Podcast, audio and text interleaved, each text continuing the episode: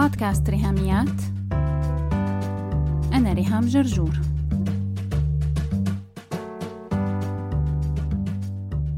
مرحبا. بالحلقة الماضية كان معنا خامس كتاب من سلسلة شلفي واسمه Digital Minimalism للكاتب كال نيوبورت. واليوم رح نكمل الجزء الثاني واللي فيه أمثلة وتطبيقات عملية لفكرة الأدنوية الرقمية. بيخصص الكاتب فصل كامل للحديث عن leisure time يلي هو وقت الراحة وأوقات الفراغ. بيسميها الكاتب high quality leisure يعني راحة بجودة عالية أو أوقات فراغ خمس نجوم.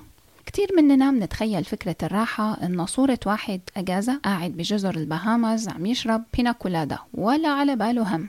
لكن المدهش والمذهل بالموضوع إنه هاي الفكرة كتير مغلوطة لأننا لو أخذنا نماذج حياتية واقعية بتمارس الراحة وال high quality leisure رح نشوف هالممارسة بشكل مختلف تماما عن صورة الشезلونج والجزيرة والكوكتيل هدول النماذج منهم شخصين مشهورين كتير إنهم من أعضاء FI Community وتعبير ال FI بيعني Financial Independence. هدول ناس حققوا كمية أموال تخولهم للتوقف عن العمل لأنه عائد وفوائد أموالهم تضمن لهم حياة من الرفاهية بدون ما يكونوا مضطرين إلى العمل بعد اليوم. عادة حالة الاستقلال المادي هي بنتوقع حدا يوصلها بعمر كبير أو لو ورث مبلغ خيالي. لكن صرنا مؤخرا نشوف نماذج لشباب وصلوا لل financial independence بسن الثلاثينات وليس من ميراث لكن من عمل توفقوا فيه وجنوا منه أرباح مادية ضخمة وفعليا عايشين حياتهم في حالة leisure دائم راحة ووقت فراغ مزمن لكن هل هن قاعدين قدام شط البحر متمددين على كرسي تحت شمسية عم يشربوا عصير بكاسة في عليها ميني شمسية؟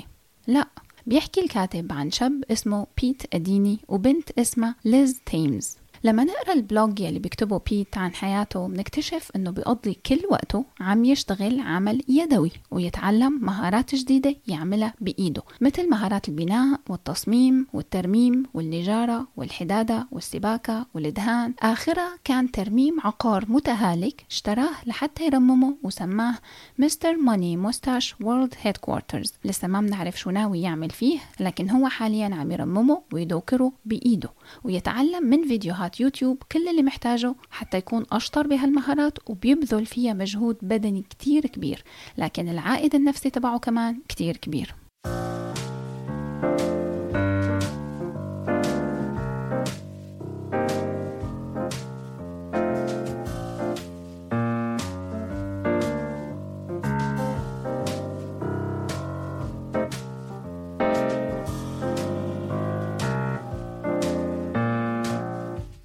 الكاتب كارل نيوبورت بيقول نحن من زمان كنا كلياتنا هاندي وكنا متعددي المهارات لأننا مضطرين. لازم نصلح الحنفية لما تتعطل ولازم نغير زيت السيارة قبل ما تكون متاحة خدمات الشراء السهل والصيانة السهلة. وكمان صارت حاليا متطلبات الحياة ما بتسمح لنا أننا نعمل كل شيء بإيدينا لأنه ما عندنا وقت. يعني المرأة العاملة مثلا تستعين بحدا ينظف البيت. أو بتجيب أكل جاهز. والمحامي بدل ما يدق مسامير بطاولة انكسرت رجلها بيتفرغ لمكتب المحاماة بوقته وبيدفع لنجار أنه يصلح له الطاولة. هذا شيء منطقي طبعا وبيشجع على وجود تخصصات بالمهن. لكن هل نحن فعلا ما عندنا وقت؟ ولا نحن يلي عم نختار إنه ما يكون عندنا وقت؟ لأن وقت الفراغ والراحة عم نملاه بالقعدة على التلفزيون أو ال swipe المغيب على ال smartphone ساعات وساعات. الكاتب مو بس بشجعنا إننا نخطط لوقت الفراغ ونكون مهدفين وانتنشنال بوقت الراحة لكن كمان بشجعنا إننا نملى هذا الوقت بنشاطات تجلب السعادة لحياتنا وتنسجم وتتناسب مع تصميمنا الجسدي والنفسي. فلما أنا أعجن عجين أو أعمل مخبوزات أو ركب مسامير أو خيط أو أعزف آلة موسيقية فأنا عم أستخدم عضلاتي كلها وحواسي كلها بوقت ممتع ومفيد. حتى لو فيه مجهود عضلي لكنه بيجلب الراحة وكمان السعادة لحياتي أكثر بكتير من نشاط شكله من برا إنه مريح يعني بس إصبعي يلي شغال عم يعمل swipe على شاشة.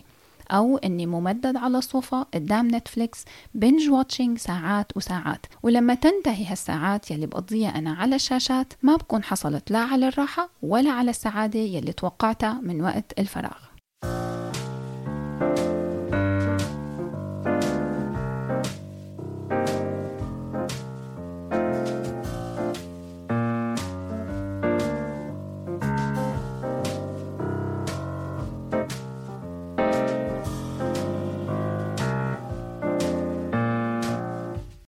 في نقطة قد تبدو متناقضة انه بيت لقى انه السعادة هي في بذل المجهود البدني والعقلي. إنه كيف يعني بيرتاح لما يتعب؟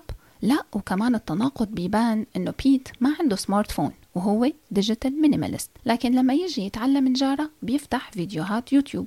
طيب كيف؟ ما هو مؤلف كتاب digital minimalism عم يطلب مننا نحذر من ال social media. بيقوم بينصحنا إننا لما نقضي وقت فراغ نتعلم مهارة جديدة من ال social media لكن هذا التناقض ظاهري فقط لأننا لو تعمقنا أكثر بمبدأ ال digital minimalism بنشوف أنه المنطق واضح جدا وهو الوعي وال intentionality والفلترة والاختيار.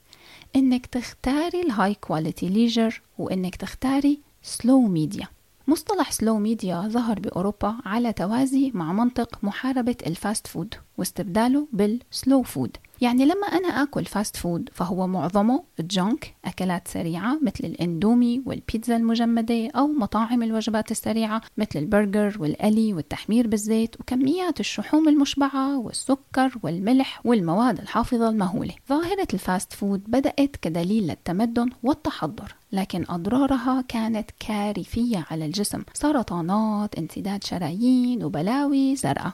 بلو بلاوي. يا لهوي لكن بعد كم سنة فقنا من الانبهار ووعينا لكل الأبعاد وعملنا حركة مضادة لل fast food وهي slow food أو الأكل الصحي يلي بينطبق عليه مبدئين أولا الأكل بوعي وليس نهم و binge eating ثانيا أكل انتقائي واختياري أنه يكون له قيمة غذائية عالية مثل الخضار والفاكهة الغنية بالفيتامينات والألياف ومضادات الأكسدة إلى آخره. نفس الشيء حصل بالعالم الرقمي. لما ال social media ظهرت بين إيدينا واعتبرناها لسنين طويلة انها هي دليل التمدن والتحضر والحياة العصرية. لكن بعد كم سنة وعينا لما زال الانبهار. وكمان بدأت تظهر أضرار رهيبة لل social media على الصحة النفسية والعقلية والجسدية. غير طبعا إدمان ألعاب الكمبيوتر. ال gaming addiction يلي تم إدراجه تحت بند الإدمانات بعلم النفس وصار له مراكز علاجية بالضبط مثل مراكز علاج إدمان المخدرات. هل نحن لما وعينا لسموم ال fast food بطلنا ناكل نهائيا وقفنا كل أنواع الأكل؟ لا. طيب هل مطاعم ال fast food سكرت وما عاد في junk food كمان لا. هل صار الأكل الصحي أرخص من الزبالة تبع الأكلات السريعة المليانة مواد حافظة وملح وسكر ودسم؟ لا.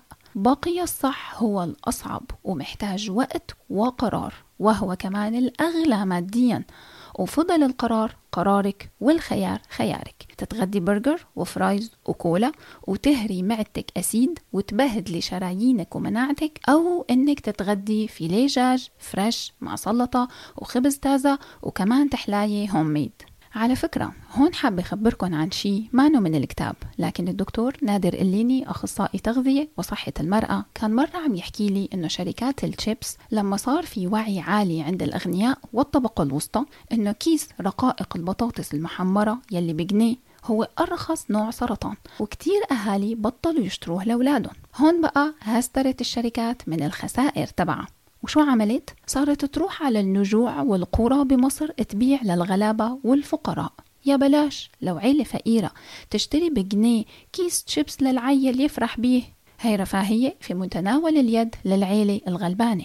وبتقوم الشركات تجني ملايين الجنيهات على حساب صحة الفقراء مستغلة الجهل والوضع المادي المتدني. هلا انت عم تسمعيني من smartphone أو تابلت وعندك واي فاي ودنيا تانية. طبعا شو جاب لجاب اني أنا أو انت نكون تحت حزام الفقر. ألف الحمد لله على النعمة والله يرزق الجميع. لكن يؤسفني اني خبرك انه أنا وانت ما بنفرق بالمرة عن العائلات يلي تحت حزام الفقر في نجوع وقرى نائية وإننا عم ناكل رقائق السرطان الرخيص. كيف؟ نرجع لنفس الأسئلة تبع ال fast food بس نحولها على العالم ال digital هل نحن لما وعينا لسم ال social media بطلنا ال social media تماما ووقفناها نهائيا؟ لا هل ال applications سكرت وما عاد في social media متاحة نستهلكها ساعات وساعات؟ كمان لا طيب هل صارت الألعاب الورقية والرياضة والترفيه أرخص من زبالة العالم الافتراضي والشاشات وال gaming؟ لا ويبقى الصح هو الأغلى والأصعب ويتطلب وعي وقرار وميزانية مادية. شراء لعبة هاليومين أو كتاب بكلفني ما بين 100 إلى 500 جنيه minimum لو رح أشتري بازل كويسة أو جاكارو أو شطرنج أو حتى أونو كوتشينا identical سودوكو إلى آخره. بالمقابل الألعاب الإلكترونية على ال digital devices اللي عندي فورتنايت ببجي وغيرها من الألعاب بنزلهم ببلاش على موبايلات ولادي. وبنتي المراهقة عندها تيك توك وأنا ما بتابع هي شو بتنزل فيديوهات. والتيك توك ببلاش وابني كمان عامل حساب على فيسبوك وهو لساته تحت ال 13 سنة. وأنا راميته في وسط غابة ال social media المليانة قلة أدب ألفاظ خارجة صور إباحية أخبار غلط معلومات هدفها الحشد والترهيب غير طبعا التعصب والعنصرية والطبقية. وأكيد ما ننسى اليوتيوب والنتفليكس وحالة البلاهة بالجلوس السلبي والتلقي لأي شيء بيطلع بوشي عشوائي. هيك من أي شاشة قدامي. طيب ما أنا برجع من شغلي هفتانة تعب بدي أقعد أرفع رجلي ما أعمل شيء. وضيع لي ساعتين ثلاثة لعب gaming أو فرجة أو متابعة فضايح المشاهير إلى آخره.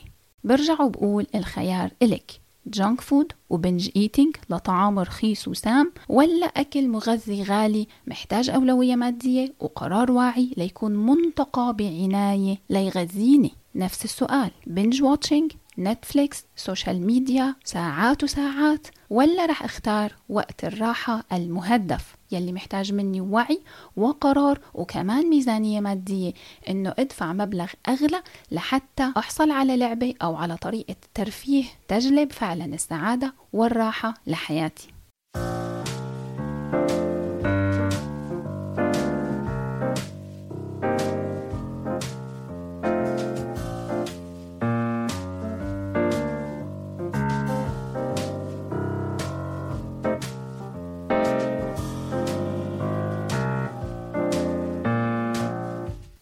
الشخصية الثانية من جماعة ال FI هي Liz Thames يلي اشترت بيت بالغابة وعايشة فيه وبتكتب عن حياتها هي وعيلتها ب blog وبتشرح إنهم كيف لازم بالبرد يقطعوا الشجر لحتى يتدفوا ولازم يجزوا العشب حوالين الكوخ تبعهم ويعتنوا بالمزرعة وكل تفاصيل العمل الشاق في حياتها السعيدة.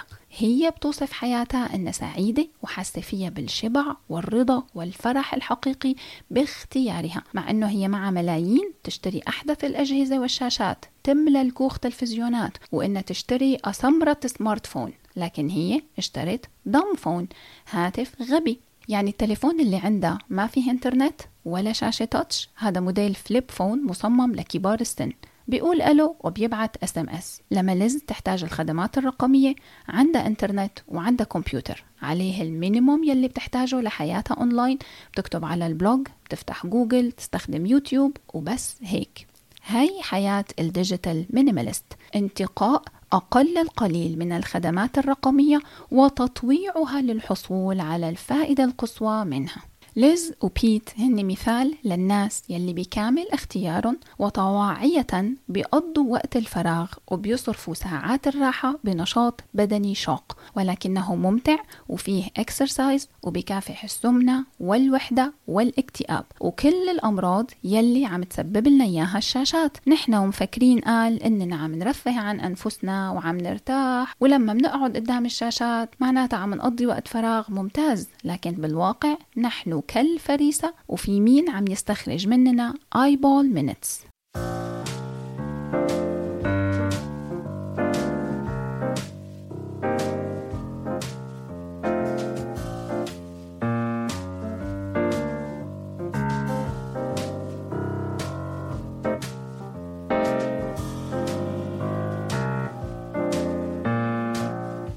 فكرة استخراج ال eyeball minutes هي من استخراج البترول.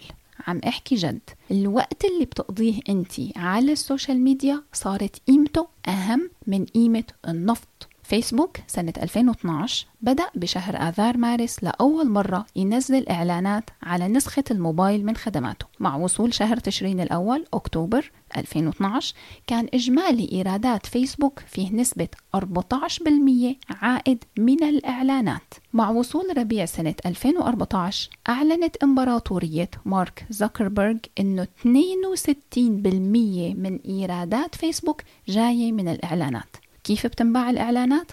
عن طريق eyeball minutes كل دقيقة أنا وإنتي منقضيها على تطبيق فيسبوك تترجم إلى أموال في جيوب المليارديرات. ما رح نفوت بالتفاصيل لكن اللي بيهمنا هون إنه طبعا طبعا طبعا مثل شركات الشيبس مو لمصلحتهم أثرياء ال social media إنك تفتحي ال application تبعهم فقط للتواصل مثل ما وعدوكي.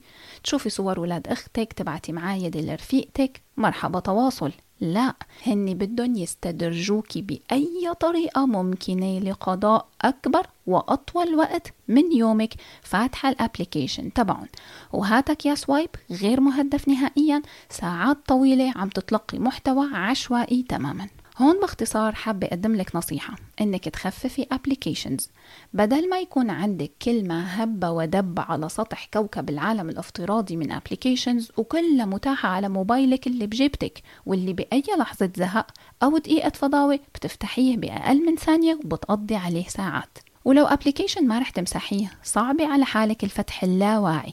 اعملي التطبيق صامت ودايما log out حتى لما تدخلي تكتبي ال email وال password وأكيد أكيد ما تسمحي لحدا إنه يحولك إلى بئر نفط يستخرج من عيونك دقائق مشاهدة تسرق منك حياتك وصحتك وتتحول في جيوبه هو إلى أموال طائلة.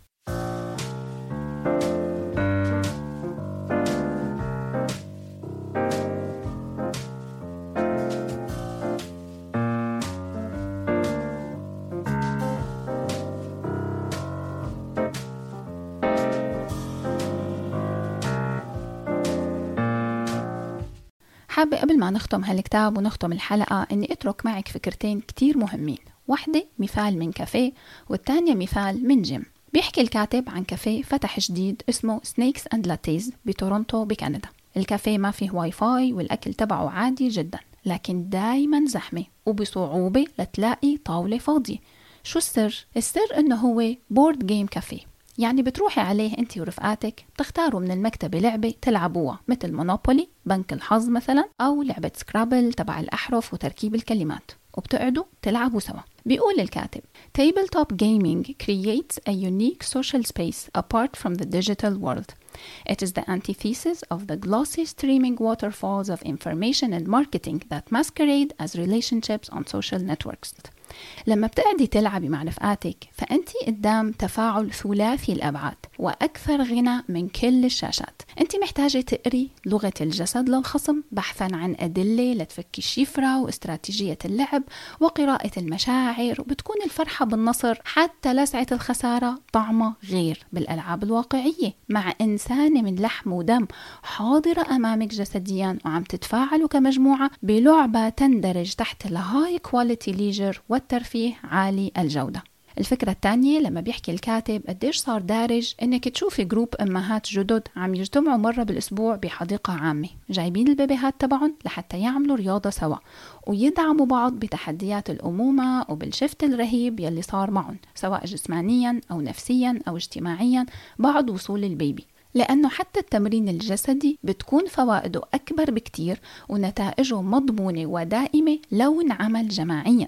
بدل ما كل وحدة من هالأمهات تدخل على صالة لياقة بدنية فيها نيونات وتردمل وتلفزيونات وتقعد بقى هي والأجهزة لوحدها تعمل رياضة. مو بس الأمهات لكن بيحكي الكاتب عن سلسلة صالات جيم مشهورة كتير بأمريكا لدرجة أنه هناك فرع من CrossFit لكل فرعين ستاربكس وهالصالة غالية كمان لأنه السعر العادي للاشتراك بالجيم عموما بيبقى 10 دولار بالشهر بينما اشتراك CrossFit هو فوق ال 200 دولار بالشهر. وهي صالات جيم ما فيها واي فاي ولا تلفزيون حتى ولا فيها أجهزة معقدة لأنها تعتمد على مواعيد محددة للرجال والشباب بيلتزموا فيها للتدريب الجماعي. بيعملوا ال exercise مع بعضهم البعض بوجود coach فبتكون الرياضة عبارة عن رياضة ونشاط جماعي اجتماعي.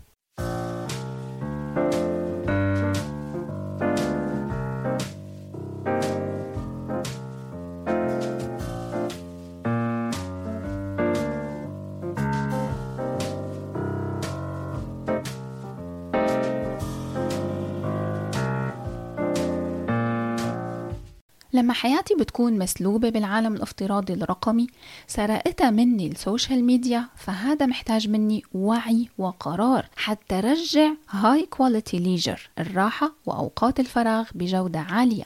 وكمان أحرص على rich social interaction التواصل والتفاعل الاجتماعي الغني وجها لوجه مع ناس حوالي. يا ترى هل رح تاخدي القرار إنك تكوني digital minimalist الخيار خيارك والقرار قرارك.